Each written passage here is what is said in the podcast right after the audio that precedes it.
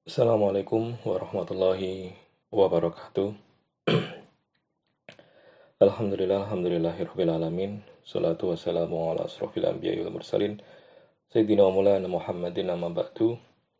Uh, teman-teman semuanya, alhamdulillah di kesempatan hari ini kita masih bisa melanjutkan kuliah ilmu dakwah. Kita bisa uh, apa namanya bertemu meskipun lewat podcast dan nanti mungkin juga bisa disambung dengan diskusi ya.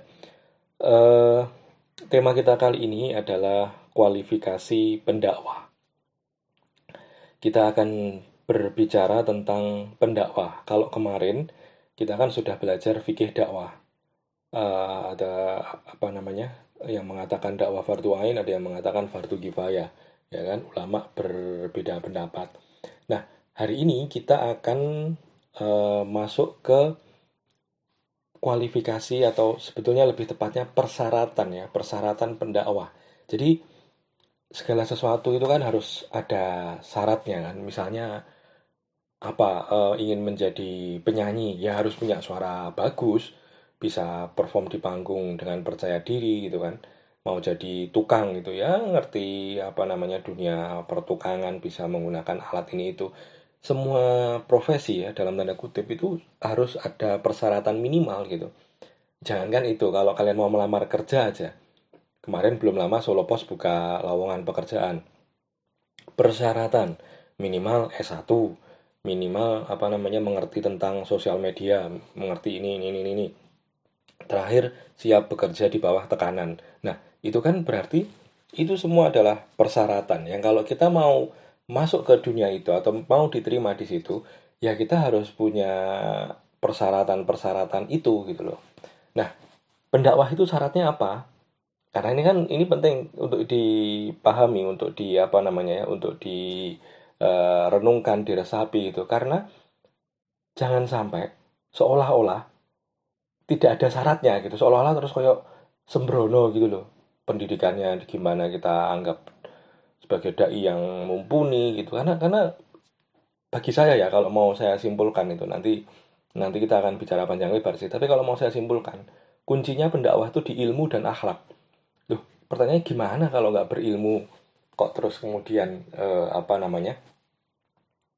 Dia kok berani beraninya gitu loh. Kan pendakwah itu kan menyampaikan ilmu tablik dakwah itu kan sedang menyampaikan. Nah kalau dia ilmunya nggak ada kok kok cukup percaya diri gitu loh. Padahal ini kan urusannya kan urusan hidup mati gitu.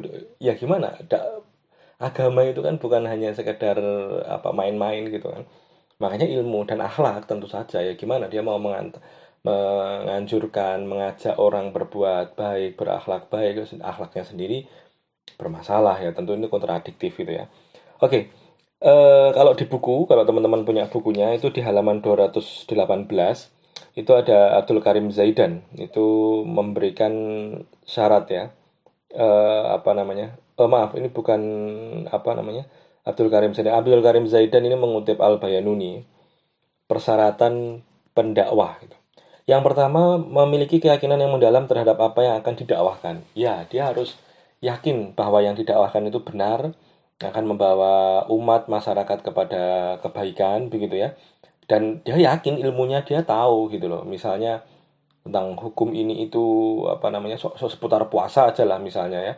Bagaimana kalau perempuan menyusui tidak berpuasa? Ya dia tahu tuh. Dia juga bisa membaca kitab rujukannya dari mana gitu. Nggak asal sekedar googling atau hanya dari buku-buku ini. Kalau ya otoritatif tuh dia bisa baca kitab dan menjelaskan apa yang disampaikan kitab itu gitu ngerti lah gitu apa namanya uh, rujukan-rujukan otoritatif dalam agama gitu. Lalu kemudian yang kedua menjalin hubungan yang erat dengan mitra dakwah ya dai yang baik itu dia yang bisa membaur dengan masyarakat menjadi bagian dari masyarakat tidak merasa sok seleb sok seleb itu apa ya sok selebritis itu loh sok terkenal terus kayak jauh dengan masyarakat berjarak dengan masyarakat harusnya ya dia hidup di tengah masyarakat dan dia bisa ya bisa menjadi bagian tidak tidak tidak berjarak begitu. Lalu kemudian uh, apa lagi nih? Memiliki pengetahuan dan wawasan, ya tentu ini harus harus punya pengetahuan dan wawasan. Dan itu harus cerdas. Dai itu harus cerdas. dia harus uh, cerdasnya itu tidak hanya sekedar pinter ngerti hafalan-hafalan aja ya tapi ya cerdas bagaimana uh, menguasai jamaah menguasai audiens gitu ya. Tapi tampaknya uh, dai-dai itu sudah kayak misalkan Anwar Zahid itu Kiai Anwar Zahid itu ya dia akan sangat laris di pedesaan-pedesaan begitu ya dengan jokes-jokesnya yang segar gitu yang ya jokes-jokes uh, yang bisa apa ya gergeran gitu loh. Kalau di panggung itu kan kalau, kalau Anwar Zahid itu kan gergeran kan. Dan nanti beda lagi dengan dengan ulama yang lain begitu saya uh, apa namanya misalkan ada Gus Ulil gitu itu bukan kayak yang tentu itu beda karakter dengan Gus Ulil Gus Ulil itu misalkan Ulil Absar itu berangkatnya yang ngaji Ihya itu ya itu kan berangkatnya sebenarnya Gus Ulil itu ya intelektual gitu kan intelektual kampus gitu jadi ya tentu beda karakter dengan dengan Kiai Anwar Zahid itu. Nanti dengan uh, Kiai siapa atau atau Ustadz siapa itu nanti bisa beda lagi gitu. Karakternya bisa beda-beda. Lalu kemudian ilmunya sesuai dengan perbuatan atau konsisten. Ya, betul. Ini apa? Satunya kata dan perbuatan. Ya gimana mau mengajarkan sesuatu kebaikan tapi ternyata akhlaknya dia nggak baik. Itu pasti kontradiktif. Minggu lalu saya sudah cerita itu ya soal bagaimana dalam tanda kutip runtuhnya Mario Teguh itu ya ya ya karena masalah keluarga sih ya, ya tapi gimana dia motivator tapi keluarganya dalam tanda kutip menyimpan masalah gitu kemudian memiliki kepekaan yang tajam ya dia harus peka dengan kondisi masyarakat dengan perkembangan zaman dia juga harus peka. Bijak dalam mengambil metode ya dia harus tahu kalau ketemu ibu-ibu bagaimana ceramahnya kalau di forum bapak-bapak kalau di forum yang umum misalnya Isra Mirot atau apa itu itu dia harus harus ngerti di setiap panggung dalam tanda kutip ya setiap panggung-panggung itu dia harus tahu gitu dia sedang berhadapan dengan siapa kalau yang undang kantor gitu ya terus di sini pejabat-pejabat nah itu itu gimana? Itu harusnya harus tahu gitu. Yang kemudian yang kedua perilakunya terpuji. Ya ini jelas ini. Kalau dai terus kemudian jangankan anu ya apa namanya perilaku tercela ya poligami aja. Poligami aja kemarin Agim itu juga kemudian ya ya gimana? Netizen itu kan gitu kan ngeri sekali. Kan netizen di Indonesia itu nggak bisa kalau wah masa dai poligami gitu. Dan kenceng netizen Indonesia tuh ya inilah kemarin apa All England ya, ya akun Instagramnya sampai hilang gitu kan. Caci makinya luar biasa meskipun itu sebenarnya ya kayak aduh ya kita kecewa tentu kita kecewa kita marah tapi kayak cara meluapkannya tuh aduh gitu amat ya netizen kita gitu. Seolah-olah ya dalam hati itu kadang saya mikir gitu-gitu amat ya gitu.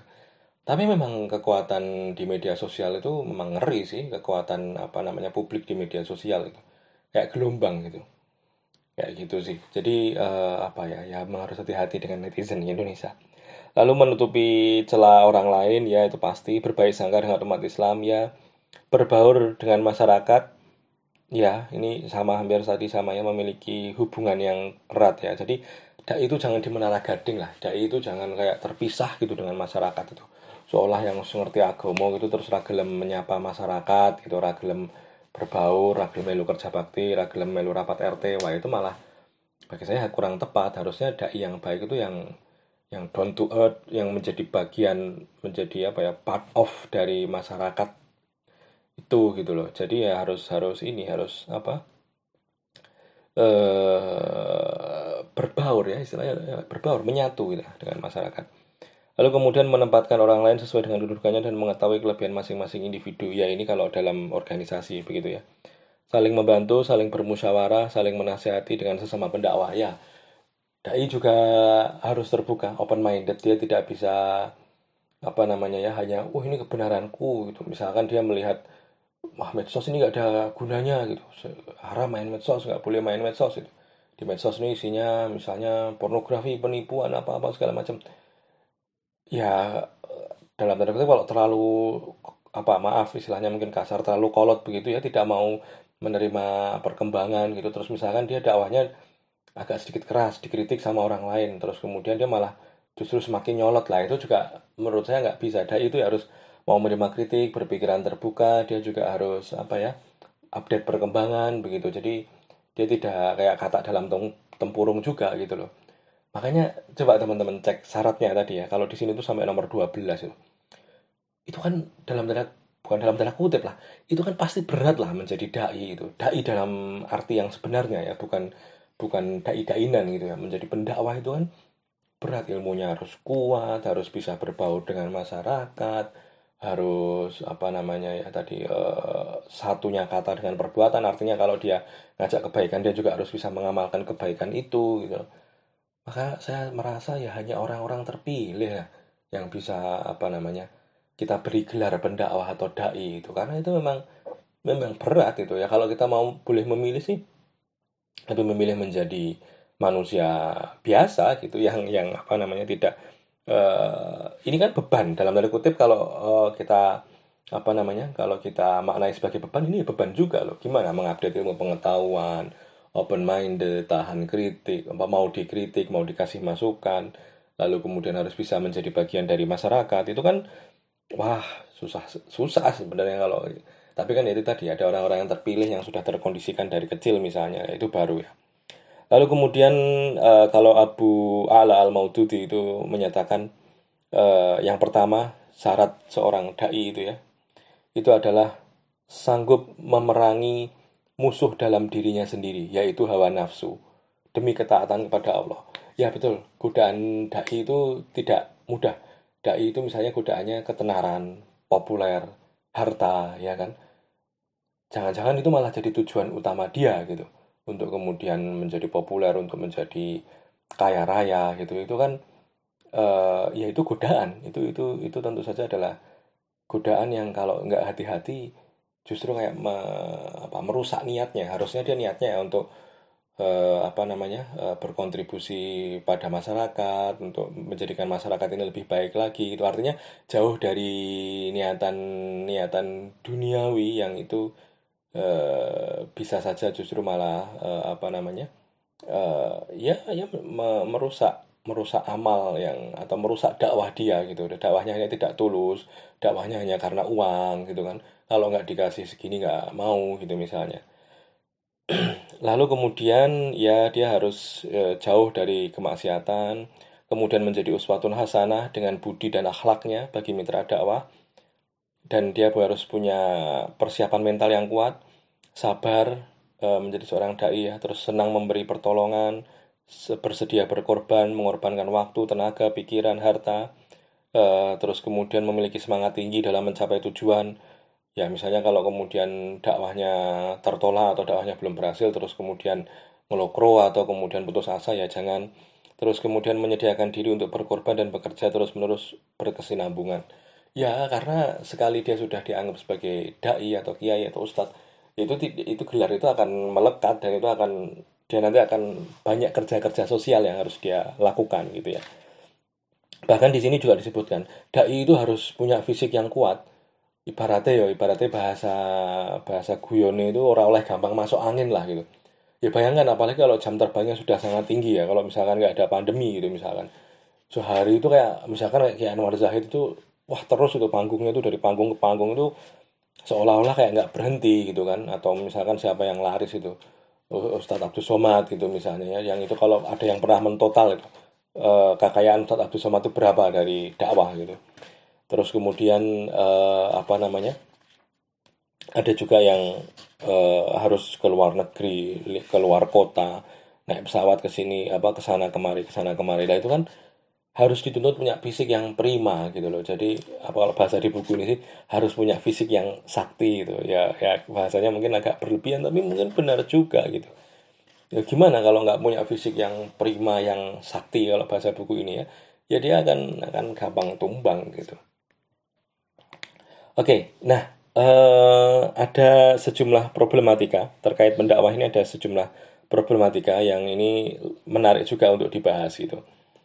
Uh, yang pertama adalah tentang pendakwah perempuan. Pertanyaannya sederhana, boleh tidak pendakwah perempuan? Gitu.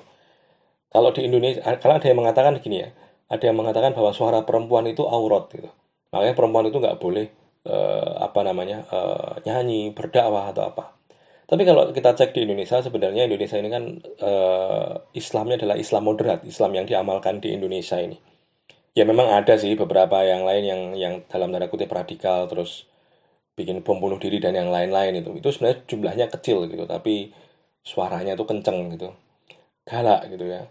Nah tapi kalau secara umum sih moderat gitu. Makanya kita masih bisa melihat Mamah Dede, terus Oki Stiana Dewi gitu kan. Ya ya pendakwah-pendakwah perempuan itu bahkan mereka tampil di TV Mamah Dede ya sangat laris sekali bahkan sampai sekarang dari dari dulu banget. Mungkin sejak kalian kecil ya sampai sekarang tuh Mamah Dede itu menghiasi uh, televisi gitu ya. Nah, kalau di buku ini apa namanya uh, memang disajikan ya perdebatannya itu. Nah, kalau apa namanya pendakwah perempuan itu apa syarat yang harus dipenuhi? Yang pertama adalah pendakwah itu harus menutup auratnya, ya kan? Ya tentulah ya, maksudnya pendakwah terus pakaiannya aneh-aneh, insya Allah ya enggak ya. Terus kemudian Uh, ya, di sini ada yang mengatakan begini, pendakwah perempuan tidak diperkenankan bersuara dengan maksud menarik sahwat laki-laki. Ya sak madioni wae lah, dakwah lah rasa apa misalnya mendesa-desa atau apa gitu. Terus kemudian tidak berlebihan dalam penampilan uh, apa namanya? Ya, ya inilah apa sewajarnya gitulah. Dan ya apa ya? Uh, memang sebisa mungkin sih dia tidak tidak ini tidak kayak apa membuat merangsang orang atau apa. Tapi gimana? Apa kita terus kemudian terangsang dengan mama dede gitu ya? mohon maaf tapi ya mama dede begitu bahkan suaranya lantang begitu kan mama dede itu kan. Tapi ya nggak tahu. Di buku ini disampaikan begitu gitu. Ini sebenarnya semangatnya sama sih memberikan ruang bagi perempuan. Jadi bahwa dakwah itu tidak dominasi laki-laki ya. Bahkan kalau di kalangan ibu-ibu gitu ya pendakwah perempuan itu bagi saya malah justru ulama perempuan itu penting karena ada hal-hal yang kemudian misalkan soal haid nifas soal apa namanya hubungan suami istri gitu misalnya. Yang itu tentu akan lebih nyaman kalau dibicarakan antara jamaah perempuan dengan dai perempuan. Kalau dai-nya laki-laki itu kayak canggung gitu loh. Makanya perempuan yang ngerti agama misalkan dia dari kecil udah mondok udah hafal Al-Quran terus bisa kuliah di Al Azhar Mesir gitu misalnya di Timur Tengah gitu terus kembali ke Indonesia menjadi dai perempuan. Nah itu bagi saya penting juga gitu loh. Karena ada hal-hal misalnya uh, tentang apa namanya nikah muda gitu ya uh, nikah pernikahan dini bukan nikah muda ya pernikahan dini gitu misalnya. Umur 17 begitu balik langsung menikah itu bagaimana gitu. Itu kan harus juga di tidak hanya perspektif laki-laki ya yang sangat maskulin tapi juga kemudian perempuan ulama perempuan ini juga uh, penting untuk kemudian uh, bersuara dan kita dengar juga suara itu gitu. Ya banyaklah hal-hal yang kemudian ya tentang kesetaraan laki-laki perempuan dan macam-macam persoalannya. Nah itu harus di uh, harus kita harus dibicarakan secara ya oleh perempuan juga gitu loh. Oke, kemudian ada juga problematika tentang pendakwah anak-anak ya. Kita sering lah ya lihat apa namanya, lihat uh, apa dai cilik bil dajil. Nah itu sering lah kita apa bil dajil bil dajil itu entah di TV entah di dulu sih sering. Saya dulu beberapa kali saya diminta jadi juri bil dajil itu yang ngadain acara kakak kelasmu dulu KPI gitu. Nah bagaimana dakwah anak-anak? Apakah boleh? Ya kalau di sini sih disebutkan boleh tapi hanya sifatnya latihan aja sebagai bentuk latihan latihan mental. Karena apa? Anak kecil ini kan ya gimana? Ya dia masih sedang berproses untuk belajar agama itu. Dan apalagi dai itu biasanya dai cilik itu kan sifatnya hafalan aja kan. Dia bukan yang kayak uh, ngaji kitab dia juga mungkin barangkali belum bisa. Hafalan surat surat itu paling hanya masih beberapa anak-anak kecil itu. Ilmunya belum tentu masih masih terus pasti akan dia akan terus berproses gitu loh. Makanya ya sifatnya hanya latihan saja. Karena nggak mungkin juga kan ada cilik kita terus tanya gitu. Deh apa hukumnya memilih pemimpin non muslim nah itu kan nggak sampai kan kita nggak sampai ke sana dan anak kecil itu juga tentu bingung. Mereka kan tema-temanya sederhana kan sabar syukur berbakti kepada orang tua terus mencari ilmu ya gitu gitu aja. Yang yang yang itu kadang sering kali hanya hafalan gitu. Apakah boleh? Ya boleh aja tentu saja boleh. Ya bagus juga untuk siar kan eh, anak-anak kecil terus belajar agama belajar berani tampil di panggung itu bagus juga gitu bagus juga gitu. Cuma ya itu tadi sifatnya hanya latihan aja gitu. Terus kemudian ada pendakwah apa namanya mualaf ya. Ya eh, yang harus disadari bahwa adalah mualaf ini adalah orang yang baru masuk Islam. Eh, apakah pendakwah mualaf itu boleh berdakwah? Tentu boleh. Cuma kadang kita memang harus selektif sih. Artinya gini loh ini kan baru masuk Islam. Nah kita ini butuh dai ulama ustadz kiai yang ngerti gitu, yang mendalam gitu. Karena ini urusannya urusan agama gitu, bukan urusan main-main gitu. Nah, kalau pendakwah hanya sekedar bercerita tentang pengalamannya dulu gimana mendapat hidayah itu itu oke okay lah gitu. Dia bercerita tentang apa namanya? Uh, dulu misalnya uh, dia tertarik dengan Islam karena mendengar bacaan ayat suci Al-Qur'an atau melihat orang Islam yang sangat dermawan gitu ya. Itu oke okay, gitu. Cerita-cerita kayak gitu itu menambah ya motivasi keimanan dan ya cukup inilah cukup cukup aman untuk di ini. Tapi yang yang repot tuh kadang gini loh. Mualaf itu sering kali menjadi terjebak untuk apa bahasa Jawa ini ngelek-ngelek agama dia sebelumnya gitu. Dia misalnya dulu Kristen atau Katolik gitu ya.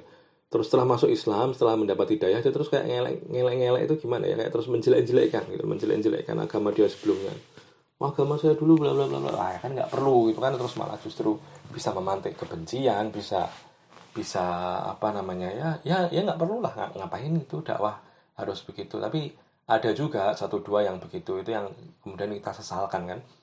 E, sama dioni wae dakwah itu sama dioni sama dioni itu apa ya? Sewajarnya lah.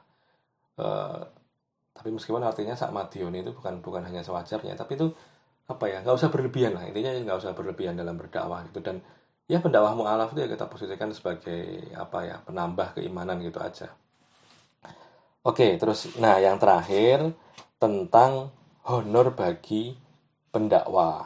Nah, ini menjadi menjadi apa namanya?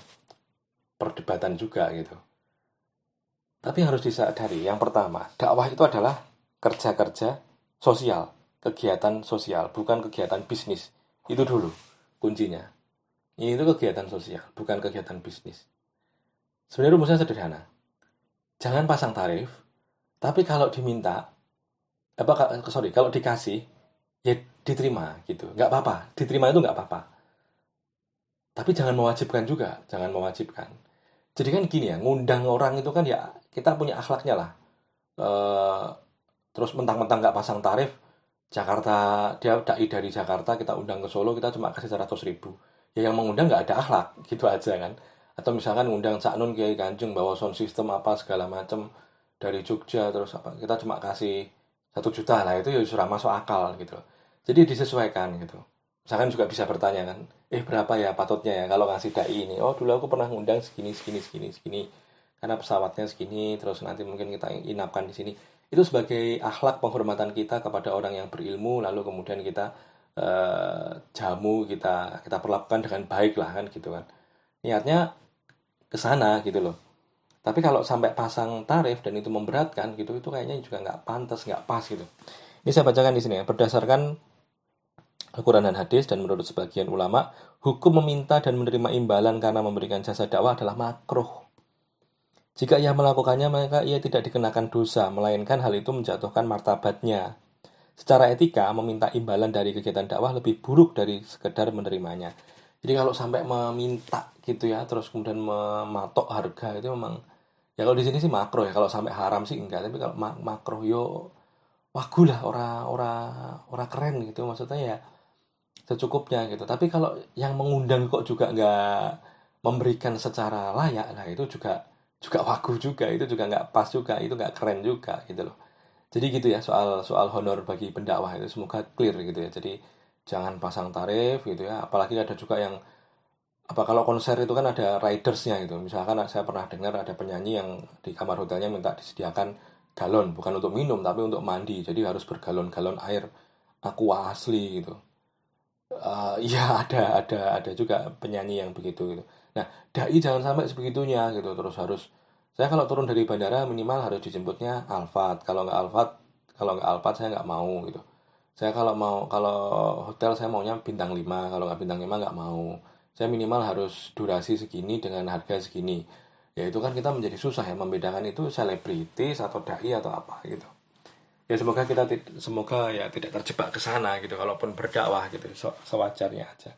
Makanya sebetulnya pendakwah itu harusnya dia sudah sudah selesai soal ekonomi itu jangan dia punya bisnis apa gitu kan jadi jadi terus tidak berharap gitu loh dari dakwah itu tidak berharap uh, ya pasti nanti akan ada orang yang ngasih tapi jangan jangan kayak jadi pekerjaan utama dia gitu sehingga nanti menodai niat baik berdakwah. Oke saya kira itu teman-teman ya eh, apa namanya materi kita hari ini. Terima kasih telah menyimak podcast ini. Akhirul kalam. Assalamualaikum warahmatullahi wabarakatuh.